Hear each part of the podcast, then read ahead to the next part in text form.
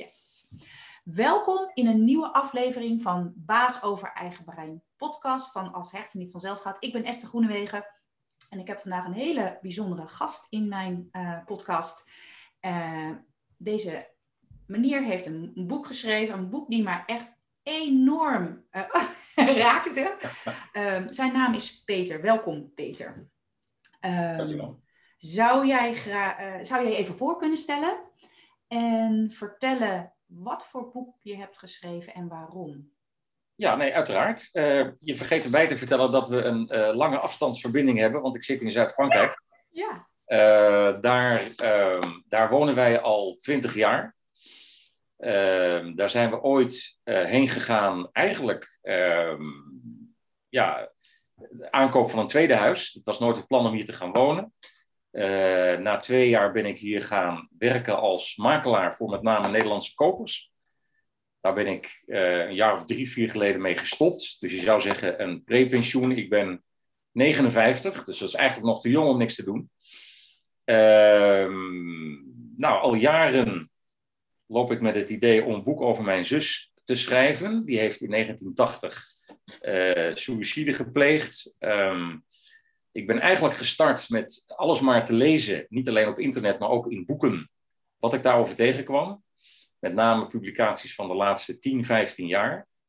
Uh, ik heb twee bijeenkomsten gehad met oud-klasgenoten en vrienden van Joke. Dat was heel bijzonder. Uh, mensen die ik ook al, uh, nou ja, 40 jaar niet gezien heb. Eh, eigenlijk met name in Amsterdam. Eh, dat was heel bijzonder. Ik heb daar een verslag van opgeschreven. Daar is indirect wel iets in het boekje van gekomen, maar um, ja, het, het, ging toch meer om uh, eigenlijk het eerste doel van mijn boek een beetje waar te maken, namelijk Joke een beetje terugbrengen bij iedereen. Uh, bij vrienden, familie, klasgenoten. Uh, volgens mij is dat mij aardig gelukt. ik heb een van de mooiste complimenten gekregen van haar beste vriendin uit de jaren zeventig. Uh, die eigenlijk zei, letterlijk, uh, dank je voor de mogelijkheid dat ik Joke weer mag ontmoeten. Oh. Uh, zij heeft ook zelf twee stukjes geschreven, die staan ook in het boek. ja, dat vond ik, dat is natuurlijk heel mooi. dus dat was het eerste doel. Um, het tweede doel was, en daar ben ik eigenlijk gaandeweg opgekomen door veel te lezen, dat is de suïcidepreventie. Daar zijn de laatste 15 jaar eigenlijk nieuwe initiatieven bijgekomen. Uh, ik stuitte onder andere ook op het uh. Daar gaat ook de opbrengst van mijn boek naartoe. Ik heb gekozen om dat in eigen beheer te doen via mijn bestseller. Om, ja, als ik eerlijk ben, de hoogste marge maar te maken in het begin. dus dan kan je per boek hou je het meeste over. Nou, dat gaat rechtstreeks na de zomer. Want ik heb nog wel een weg te gaan. Ik heb een aantal in mijn hoofd wat ik als boeken wil verkopen, dat heb ik al iets naar beneden bij moeten stellen. Maar, um, maar goed, ik, uh, er komt vanochtend weer, heb ik drie bestellingen, dus dat uh, gaat goed uh, door. Ja, ja en ik gebruik onder andere met name LinkedIn om veel op te mailen. Maar, maar goed, die suïcidepreventiecentrum, dat integreert mij. Um, 113 is natuurlijk een belangrijke organisatie die daar vanaf 2009 heel goed werk in doet, ook met cursussen. Dus daar, dat is eigenlijk de achtergrond uh, van het boek. Ja, dankjewel. Uh, ik heb natuurlijk het, uh, het boekje ook gelezen. En ja. wat mij heel erg raakte in het boekje is dat je ook um, stukjes ertussendoor hebt met, dat noem je dan dialoog. Dus waar jij zelf met je zus in gesprek gaat. Um, hoe kwam je eigenlijk tot dat idee om dat ook tussen de, de verhalen van de anderen te verwerken? Ja, dat, dat, dat is een goede vraag. Ik, um, ik ben gaan schrijven, eigenlijk begonnen met de herinnering. Ik ben natuurlijk ook geen schrijver, laat het duidelijk zijn. Maar, um, en ik zoek, het, is, het gaat natuurlijk ook om de vorm en de inhoud. Um, en ja, ik, ik heb het niet gepikt van iemand. Ik heb het niet. Ik dacht, ik ga in gesprek met haar. Het is natuurlijk fictie, het kan natuurlijk helemaal niet. en, en, en om zo mijn herinneringen uh, ja, op te schrijven. En een van de leukste herinneringen, en zo kwam ik er denk ik op, is dat we na een eindexamenfeest uh, half dronken en zingend uh, drie keer van de fiets vielen. En uh, ja, eh, dat was een van de leukste momenten met haar. En ja, zo kwam ik daarop. Ehm, ik heb met iemand uit de literaire wereld gesproken en ja, die vond dat helemaal niks. Die zei, ja, wat is dat voor een rare... Het is ooit in de middeleeuwen wel eens gebeurd, een, een, gesprek met de doden, maar die vond het helemaal niks. En ik krijg nu alleen maar, nou ja, ook van jou, uh, de meeste reacties zijn op die dialoog eigenlijk. Het is maar goed dat je je eigen, eigen wijsheid hebt gevolgd, hè, of je onderbuikgevoel. Ja, ja, ja. ja, zeker. Ik wil ook nog wel even voor de duidelijkheid uh, voor de, de podcastluisteraars uh, delen waarom ik het zo belangrijk vind om met jou in gesprek te gaan. Mijn doelgroep zijn natuurlijk ouders van onveilig gehechte kinderen. Hè. Dus heb ik ook al een aantal boeken over geschreven. Maar in dit boek, mijn laatste boek, heb ik bijvoorbeeld ook een, ik weet nou even niet meer welke, welke tip, of ik, ik heb een tips geschreven. Oh ja, ik heb bijvoorbeeld ook een, uh, een, een hoofdstuk geschreven aan, met, met de titel Mama, ik wil dood. Heel veel kinderen die dus trauma hebben meegemaakt op jonge leeftijd en niet de juiste therapie of de juiste ja, omgevingsfactoren krijgen om het te helen, gaan op een gegeven moment ook richting suïcide uitingen, suïcide pogingen en suïcide daden. dus dat is waarom ik ook gelijk eigenlijk dacht, oh ik wil met je in gesprek gaan, omdat ik het zo'n belangrijk onderwerp ja. vind. En ik was eigenlijk ook wel benieuwd hoe dat dan bij jouw uh, zus uh, is uh, ontstaan. Hè? We weten natuurlijk dat ze dan een auto-ongeluk heeft gehad. En een aantal keren is geopereerd. En van daaruit eigenlijk nooit meer goed in balans op haar pad is gekomen. Nee, nee het was natuurlijk een hele... We, ja. we hebben natuurlijk wel over 1980. Ja, dus het is een hele. Sorry, dat, wat, dat wat ik net zeggen, een heel ja, andere ja. Dat allemaal, sterker nog, eind jaren 70. Um, um, ehm, ja, hulp was er natuurlijk heel standaard van de huisarts eh, naar in dit geval het Academisch Ziekenhuis Utrecht, waar natuurlijk uh, ja, goed werk is gedaan. Ik, ik was 18, ik kon dat toen niet beoordelen. Nee. Um, maar nou ja, om een voorbeeld te geven, je noemt net de ouders.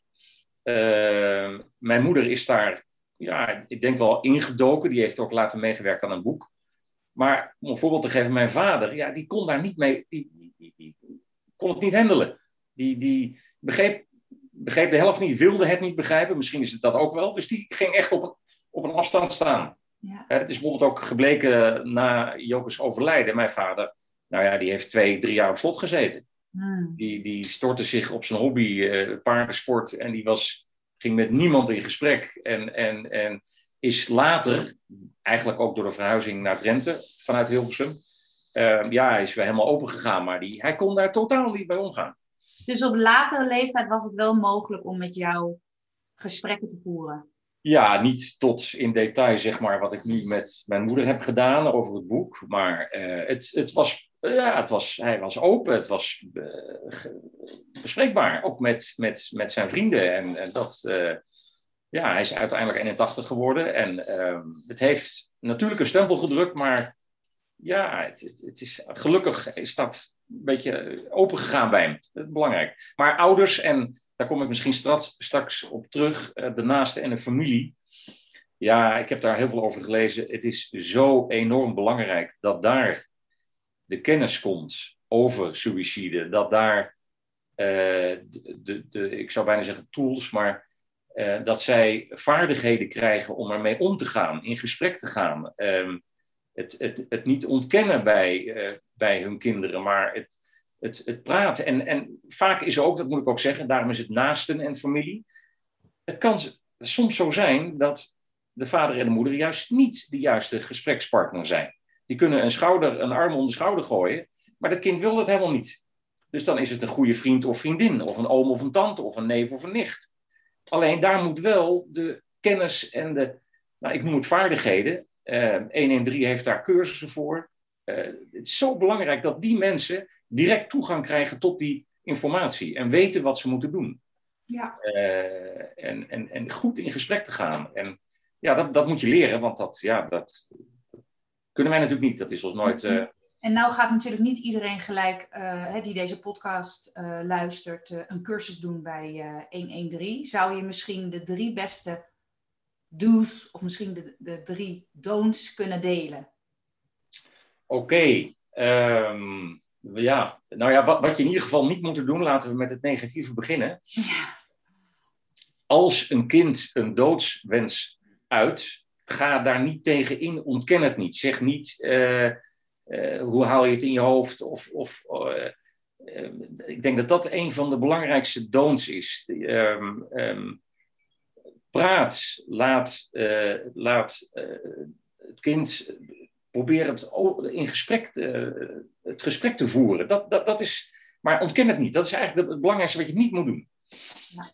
Ja. Um, uh, is er nog een andere belangrijkheid? Ik zit even hard op te denken, want deze vraag had ik niet verwacht. ja, ik hou je scherp. Ik hou je scherp. Um, um, maar wat, je, kan ook, je kan het dichter bij jezelf halen. Dan kan je zeggen van, wat heb ik bijvoorbeeld gemist? Of wat zou ik bijvoorbeeld al geleerd willen hebben toen het gaande was in mijn leven? Want jij was 18. Wat mij geïntrigeerd heeft, dat er uh, in het academisch ziekenhuis één verpleger was die volslagen empathisch, open en het, leek te begrepen. En ik geloof zelfs dat het een student psychologie was, maar die ging gewoon zitten en thee drinken en praten en luisteren. En, eh, dat, en ik, ik heb altijd wel gedacht, en dat is misschien ook de reden dat ik het misschien in de toekomst wil doen, eh, zo iemand kan zo belangrijk zijn. Misschien moet ik dat ook wel doen. Uh, ik, ik, denk ook wel dat ik dat kan. Maar dus geen psychiater, geen psycholoog, niet met een harde lijn erin of met medicatie zwaren, uh, zwaaien. Gewoon zitten en luisteren. Ja. En, en, en, en verbinding maken, dat is, dat is waar het om gaat natuurlijk. Uh, ja, dat, dat is me altijd bijgebleven. Ja, en dat het inderdaad, wat jij zegt, dat het het er mag zijn, dat die gedachte en dat die uitspraak er mag zijn. En als een kind al een uitspraak doet, en veel van onveilig rechte kinderen doen soms van die uitspraken, zou je dat ook kunnen zien bij, ik probeer altijd alles om te denken, als een compliment. Hè? Dus het feit dat je zoiets spannends en zoiets ongewoons durft te delen, zou eigenlijk met heel veel ruimte ontvangen moeten worden. Maar je schiet natuurlijk in, in, in, de, in de stress of je hebt er niet de juiste skills. Want wat heel veel uh, kinderen ook dan te horen krijgen, hè, als ouders echt niet responsief kunnen reageren, is van, maar je hebt het hier toch hartstikke goed en je hebt hier alle kansen van de wereld. En dan, ja, dan is het natuurlijk een totale mismatch en dan is het ook klaar. Dat is die ontkenning, dat is die ontkenning. En uh, kijk, eh, de kinderen zijn eenzaam, zijn opgesloten, hebben chaos in hun hoofd. En, en ja, nogmaals, verbinding is, is het goede woord, denk ik willen dat delen, willen daaruit en, en hebben daar hulp bij nodig. En alleen nogmaals, ja, eh, de familie of de, de naasten moeten de ervaring en de kennis hebben. En, en die is er vaak niet. Hè? Dus, dus uh, om terug te komen op je vraag. Um, en je, ja, jij stelt het heel behaald, dat vind ik wel leuk. Ga niet meteen naar 1 en 3 rennen en een cursus doen. Nou, dat gaat niet iedereen doen. Dat weet, ik, zeg niet, ik zou zeggen, doe het. Maar het kan best zijn dat mensen dat niet gelijk doen als ze bij ons aan het luisteren zijn. Snap je wat ik bedoel? Dus het is fijn om daar iets uit te Nee, maar gek genoeg op hun website, of ze hebben daar zelfs een app voor ontwikkeld, kan je heel praktisch al een paar dingen halen. Uh, dus je hoeft niet meteen in gesprek of er naartoe of, of, of te bellen. Um, maar, en ook in hun publicaties. En kijk, een van de professionals in mijn boek, ik meen dat het Ed Kist is, die bij 1 en 3 gewerkt heeft, uh, die heeft het over een plan maken met, laten we het patiënt noemen of degene die hulp nodig heeft. Maak een plan. Zelf heb ik um, eh, nou, ik heb het nooit direct gedaan, maar ehm, een, een, idee van mij is: koop een luxe um, opschrijfboekje en een pen en geef wat vragen mee. Ga met elkaar in gesprek. Hè. Tegenwoordig gaat het allemaal op de mail, maar ik geloof nog wel in opschrijven met de hand. Um, en maak een plan, een plan samen, een plan van aanpak. Kijk, er is geen stappenplan of, of, of iets heel praktisch, maar ja, zet ze aan het werk. Laat ze dingen opschrijven. Stel, vragen en zeg van ik heb hier een vraag. Uh, ik wil een antwoord op, op twee pagina's. Ga maar schrijven. Uh, vertel het me maar. Schrijven is natuurlijk heel helend, inderdaad. Ja, ja natuurlijk. Ja. En, dat bedoel, en je bedoelt te zeggen, maak een plan nadat er een uitspraak is geweest van ik wil niet meer, ik spring ergens vanaf of ik spring voor de trein. Dus dan is er wel al een uitspraak geweest. Een professional kan zeker nodig zijn, Esther, natuurlijk. Ik zeg niet dat je niet naar huisarts, GGZ en psycholoog, psychiater, en zeker als het gaat om uh, bijvoorbeeld een psychose. Uh, hè, um, ik, ik, heb dat ook meegemaakt met, met mijn zus. Uh, dan, dan is een professional nodig. Dan kan, dan kan je niet met een notitieboekje en zeggen: jongens, we gaan vraag-antwoord doen en ik ga je eruit halen. dat, dat, is, dat is de eerste stap natuurlijk. Dat, dat, kunnen wij niet allemaal op ons nemen. Alleen, ja, ik, ik, ik zeg het nog één keer, die, die vaardigheden moeten bij de naaste en familie veel meer komen te liggen. Ja, ja. En waren er bij jullie, uh, in jullie gezin al eerder tekenen dat er een risico was? Of was dit uiteindelijk toch een hele onverwachte. Nee, het is wel zo dat um, uh, Joke eerder een keer bij het station was, in paniek, zeg maar. Um, maar goed, dat was eigenlijk, ja, ik zou bijna zeggen, een, een half jaar daarvoor. Uh, zij, is toen, zij is toen gevlucht uit de inrichting en naar vrienden gegaan. Oh ja. Dat schreef ik ook in mijn boek. En toen leek het heel goed met haar te gaan. En toch, ja, zij kwam toen thuis uh, in, in Hilversum. En toch is die avond wel gebeurd. Um, dus ja. Uh, maar goed, het is één, keer eerder was er een uh, indicatie, zeker. Ja, ja. ja, ja. ja. Dus dat is ook wel goed voor ouders om te horen. Hè, dat er misschien al eerder een bepaalde situatie is. En dan heb je misschien het gevoel, het gaat beter. Of ze is op een bepaalde plek. Maar blijf dan vooral wel alert. Ja, zeker. zeker. Ik, ik, ik eigenlijk uh, wou ik beginnen met het gesprek, want we gaan nu, we zijn even anders begonnen, dat vind ik helemaal goed. Maar het is misschien voor de luisteraars goed om uh, even wat rauwe cijfers te horen, tenzij hij zegt, dat gaan we niet doen. ik, ik, wist dat je dat even voorbij wilde laten komen. Nee, ik vind het ook belangrijk. Dus... Uh, vijf, vijf sterfgevallen per dag door suïcide in Nederland. Dat zijn er zeg maar uh, een kleine 1900 per jaar. Uh, ik wist een jaar geleden toen ik begon wel iets van dat aantal. Maar als je dat drie keer hard opzegt, dan uh, ja, vreselijk. Uh, maar een ander cijfer is, er zijn 260 pogingen per dag. Dat zijn er 95.000 per jaar. Dus het zijn pogingen. Dus die mensen gelukkig overleven het. Ja. Eh, bizar natuurlijk. Ja. Per dag hè, in Nederland. 260. een ander ehm, ik heb daar met uh, Remco de Winter over gesproken. Hij zegt: vergeet niet dat van die vijf sterfgevallen per dag door suïcide in Nederland, meer dan de helft nooit in aanraking zijn gekomen met de zorg. Dus die hebben nooit met een huisarts of professional gesproken. Er is nooit een plan geweest. Dus meer dan de helft. Dus van die vijf, 2, maar zeg maar ruim 2, mm-hmm. uh, nooit iemand gezien. Onbegrijpelijk vind ik dat. Ja, maar een vraag in mij, die in mij naar boven komt, en ik weet niet of jij die kan beantwoorden, hoe kun je daar nou op inspringen? Op deze feiten? Um, ja, 113 bijvoorbeeld heeft een signaleringsplan. Oké. Okay. Andere woorden, je kan dingen um, herkennen in een bepaald gedragspatroon. Maar ja, ik vind het moeilijk hoor, Esther. Um, ja. Maar ik, van dat soort cijfers schrik ik ook. Wauw. Ja. Nog een ander rauw cijfer, en dan hou ik op met cijfers. er staan in Nederland 30.000 personen met zware psychische klachten op een wachtlijst langer dan drie, vier maanden. Ja. En met zware psychische, psychische klachten bedoel ik onder andere wat voorkomt uit uh, anorexia. En mensen die dus, en of het nou een DSM-label is, uh, maar in ieder geval een, een, een, een, een bekende zware stoornis hebben. meer dan 30.000, van jong tot oud. Ja, dat is mij wel bekend. Daarom heb ik het steeds zo druk, omdat ik dat natuurlijk die, die kinderen heb met die enorme wachtlijsten en die ouders die op een gegeven moment niet meer weten wat ze nu moeten. En gek genoeg komt het, en dan kom ik op het tweede stapje waar we eigenlijk mee hadden moeten beginnen. Uh, of we hadden niet, niks moet natuurlijk, maar um, uh, dan, dan, kom je eigenlijk op de organisatie van de GGZ. Nogmaals, ik ben een buitenstaander hè, die niet uh, in dit vak. Um, maar die 30.000 zware mensen met zware klachten op de wachtlijst komt eigenlijk doordat de grote GGZ-instellingen met, uh, ik zou bijna zeggen, algoritmes werken voor de lichte klachten. Want die kunnen ze helen.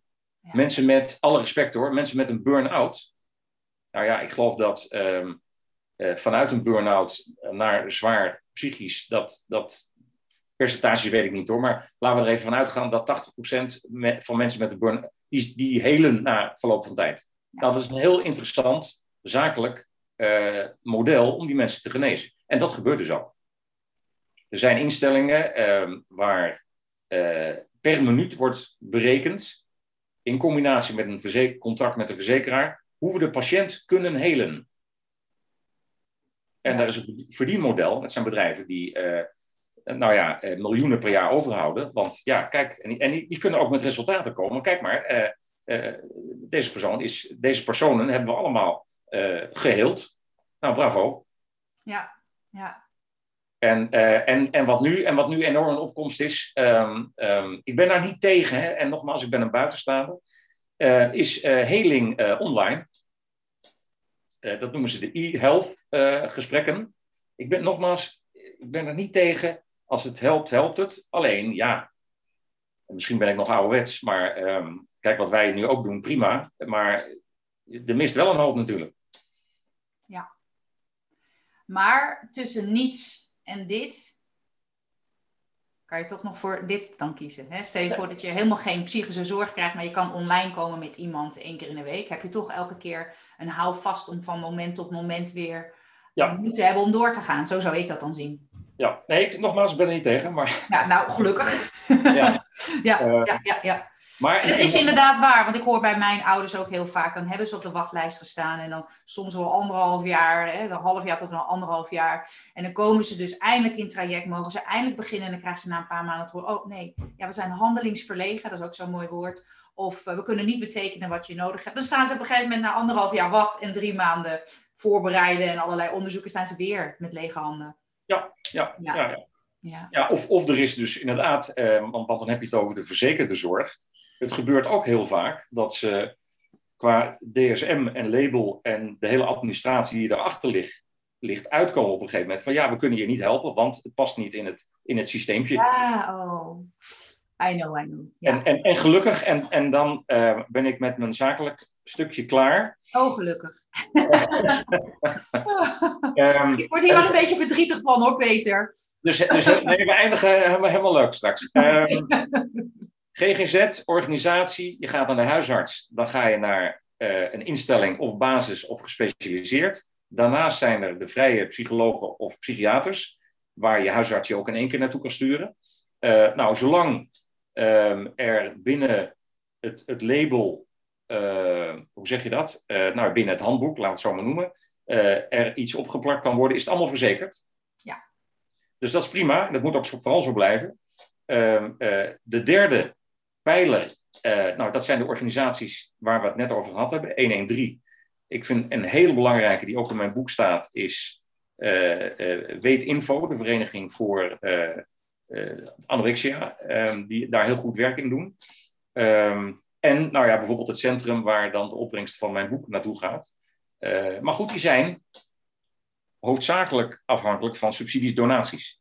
Daar zit dus geen verzekeringstrajectje achter. Dus mensen moeten daar uh, in principe kunnen ze, daar, kunnen ze nu bellen en morgen terecht. Ik zeg het even simpel. Uh, maar dat moet je zelf betalen. Ja. Ja, en dat kan niet iedereen natuurlijk. Ja. Nee. Nou, en de vierde pijler, en die wil ik toch noemen, eh, want dat is misschien wel een stokpaardje van, maar dat zijn de naaste en familie. Ja. En uh, daar heb ik ook boeken over gelezen. Um, om een voorbeeld te geven.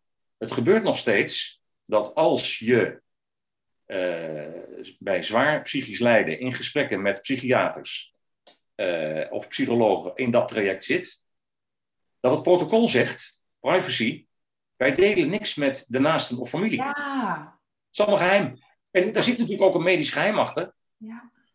Maar als er nou een naaste of een familie, een neef, een nicht of een oom of tante is, waar je als patiënt juist uh, de hulp van nodig hebt, ja. dan kan je die er toch niet buiten houden.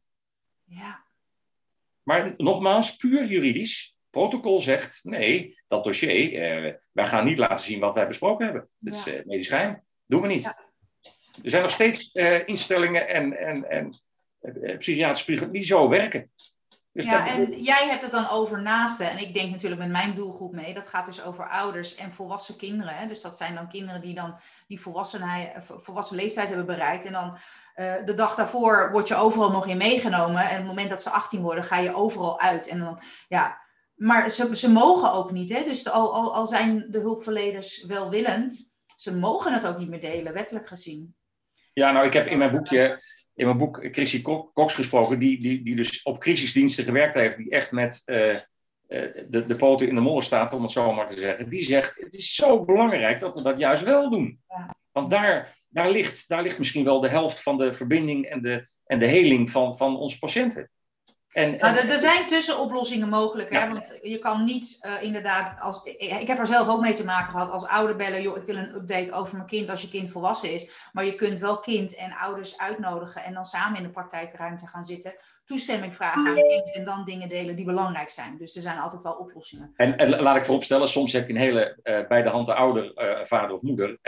die met je in discussie gaat. En die op internet dingen gelezen heeft. Kijk, dan werkt het niet ja, ja, ja. Ja, dat is duidelijk. Dat, dan werkt het. Ja, nee, maar dit zijn wel allemaal uh, uitdagingen waar je mee te maken hebt, inderdaad. En vooral ook als, je, als, als de nood echt hoog is en dat het door wettelijke beperkingen en bepalingen uh, dan misschien wel uiteindelijk mis, mis, kan gaan en het had voorkomen kunnen worden. Ja, ja, ja. Zeker. Tragisch eigenlijk, ja. Ja. uh, even denken wat ik je nog meer wil vragen. Um, dit was in ieder geval jouw zakelijke stukje. dit wilde je even kwijt, toch? ja. Ik moet ook wel zeggen, ik probeer wel altijd mijn gesprekken of mijn podcast vanuit hoop te delen. En vooral ook vanuit inspiratie te delen. Hè? Dus het is nooit ergens tegenaan willen schoppen. Misschien wel even een klein tikje geven. Maar ik ben ervan overtuigd dat iedereen met zijn beperkingen en zijn opleidingen en zijn mindset zijn uiterste best wil doen. Dat wil ik toch even achteraan uh, zeggen. En dat het soms ook voor hulpverleners heel lastig is. Hè? Dus als je als ouder misschien een, eh, een sterke gedachte he, hebt over een hulpverlener, maar die hulpverlener is gewoon beperkt, dat daarin soms ook allerlei gedoe ontstaat. Hè? Dus, en dan vanuit die ruzies en dat onvermogen. ja, ja. Dat maak ik natuurlijk zelf zo vaak mee. Dat, uh, ja, dat, dat dan de, de hoofd, het hoofddoel en de hoofdhulpvraag eigenlijk vertroebeld wordt door al die omstandigheden. Ja. Maar goed dat je het toch even, even noemt. Um, ze, uh, een beetje wat in mij blijft hangen. Uh, anorexia is natuurlijk niet echt mijn expertise, maar ik weet wel zelf dat het vaak ook met, met trauma te maken heeft. Um, is dat ook jouw overtuiging dat uh, naast dat ongeluk en die, die, die operaties van je dochter, dat ze van daaruit toen zo'n slecht zelfbeeld heeft ontwikkeld en van daaruit dan anorexia heeft ontwikkeld? Kijk, ik heb, um, volgens mij staat dat op de achterkant van mijn boek. Uh, of boek, jij zegt boekje. Um, ik heb echt geprobeerd om goed boek te zeggen. Zei ik boekje nee. net? um, kijk, ik ben niet op zoek geweest, Esther, naar de oorzaak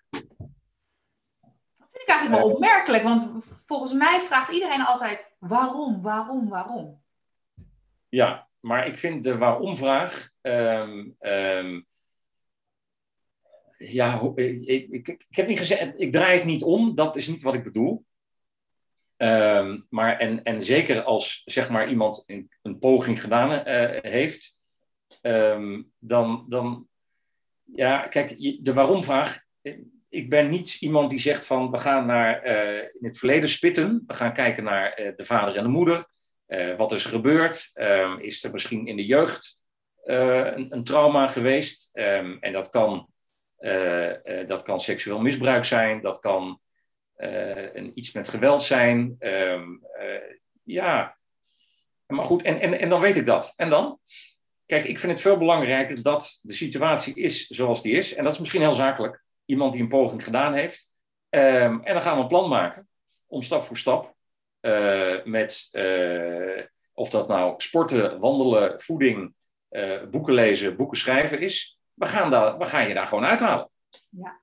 ja. En um, dat stukje beschadiging, ik, ik bagatelliseer het misschien, maar die wond zal altijd, zal altijd wel een beetje blijven.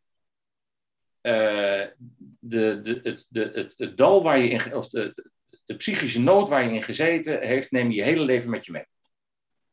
Uh, om een voorbeeld te geven, dit wat ik met Joke heb meegemaakt, uh, eh, 40 jaar geleden, ja, dat is een stuk van mij. Ja. dat, is een, dat is een wond. Ik, ik, ik zelf ben, ik heb in het boek ook niet of nauwelijks over mezelf geschreven, behalve dat ik, ik ging van school toen. Ik dacht, ik wilde studeren, dus ik dacht, nou, dan maar niet. Uh, ik ben toch weer terug naar school gegaan. Uh, mijn eerste studie, dus ik, maar ik kwam met die studie niet op gang. Dus ik was ook zelf een beetje aan het, uh, rommelen en zoeken. Want ja, ik was beschadigd, zwaar beschadigd. Ja, want dat was ook nog een vraag die ik aan jou wilde stellen. Wat, wat, wat heeft dat met jou gedaan? Hè? Dus wat heeft jou gemaakt wie je nu bent met de gebeurtenis die je dan op vrij jonge leeftijd hebt meegemaakt? Zit altijd aan je vast. Uh, het, het, het rare is, maar uh, dat ik, terwijl ik het, me daar totaal niet bewust van ben, dat ik s'nachts haar naam wel eens roep. Oh, echt? Wauw. Um, ik weet niet of dit voor de podcast goed is om te melden, maar, um, maar in het onbewuste ja, ziet dat natuurlijk enorm. Maar ik heb, laat ik het zo zeggen, na, ja, of dat nou drie of vier jaar is, ik, heb, ik ben er echt van overtuigd dat ik gewoon de boel opgepakt heb en gedacht heb van jongens, uh, ik ga een andere studie doen. Uh, ik stort me op hockey. Uh, ik ga achter de meiden aan. we gaan het anders doen. Nou, dat heb ik gedaan. Ja. En dat, dat plan had ik niet opgeschreven, maar dat heb ik gewoon gedaan. Ik ben, ik ben uiteindelijk met mijn studie gestopt. Ik ben gaan werken. Um, en, en ja, maar, maar nogmaals, Esther, natuurlijk zit dat mijn hele leven aan me ja. vast. Ja, tuurlijk. Dat, ja. dat plakt aan je. Dat is een wondje of een wond. Het is iets waar je. Wat, wat mijn hele karakter natuurlijk, in zekere zin, ja, voor een gedeelte bepaald heeft, natuurlijk. Maar het kan je dus ook iets positiefs gebracht hebben. Hè? Dus iets wat je jou anders dan anders maakt. Juist omdat je niet in die, uh, hoe zeg je dat, in ontvankelijkheid hebt geleefd. Hè? Je was opeens boem in de werkelijke wereld. Oké, okay, de wereld is dus niet veilig en de wereld kan opeens dramatisch veranderen. Ik denk wel, en dan houden we op over, uh, over, uh, over, over ik, ik zijn gek. Um, um, ik denk wel dat het heel anders was gelopen als het niet gebeurd was. Ja, maar je kunt er dus ook iets positiefs uithalen, bedoel ik. Dus dat je een ander persoon bent geworden, dat je misschien op een andere manier naar de wereld kijkt. Als ik bijvoorbeeld ja. naar mezelf kijk, ik zal, niet, ik zal geen persoonlijke dingen meer aan jou vragen, maar ik vind dat juist interessant. Uh, als ik bijvoorbeeld uh, twee hele tussen haakjes gewone kinderen had gehad, hè, dat klinkt heel plat, dan had ik niet de lessen geleerd die ik nu in de afgelopen 21 jaar heb geleerd. Was het makkelijk? Nee. Was het heel moeilijk en lastig en soms niet te doen? Ja. ja. Maar als ik dan nu zie hoe ik mezelf daarin heb kunnen verrijken en hoe ik dat nu ook weer met anderen kan delen, denk ik, oh, dat is een gift. Zo zie ik dat. En eigenlijk oh, ben jij daar ook nu een beetje mee uh, begonnen, ja. al begonnen. Nou ja, al heel lang geleden, maar ik ben, dat klinkt... Nou, maar met dit boekje, dit boekje is natuurlijk dan net uit. Dat is wel dat je nu echt zichtbaar naar de buitenwereld zet. Hé hey jongens, this is me and this is my story. Ik ben toch wel heel benieuwd hoe ik was geworden als het niet gebeurd was. Of klinkt dat ja. gek? Ja, nee, dat, dat, dat, dat begrijp ik heel goed. En ik ook met mijn trauma's van vroeger uh, vraag me dat ook wel eens af. En uh, jij hebt dat op zich redelijk goed gedaan. Ik heb het ook uh, op zich redelijk goed gedaan. Maar wat had ik nog meer neer kunnen zetten, of juist niet neer kunnen zetten, als ik al die trauma's niet had meegemaakt? Ik vind dat hele interessante overpeinzingen. Ja, ik denk wel dat. Um, dat heeft toen onder andere de. En hou op over mij. Um, vind je het de... moeilijk om over jezelf te praten? nou, het gaat niet over mij, toch? Ja, maar ik stel jou nu een persoonlijke vraag. Je zit bij mij in de podcast, hè? Dus ik stel jou een persoonlijke vraag. Uh, kijk, om een voorbeeld te geven. Ik ben begonnen met een studie Nederlands. En uiteindelijk ben ik rechten gaan doen. Ik heb een soort switch gemaakt van naar, ja, uh, zakelijk harder. Uh, een hele andere, ik ben een andere kant op gegaan. Ja, ja.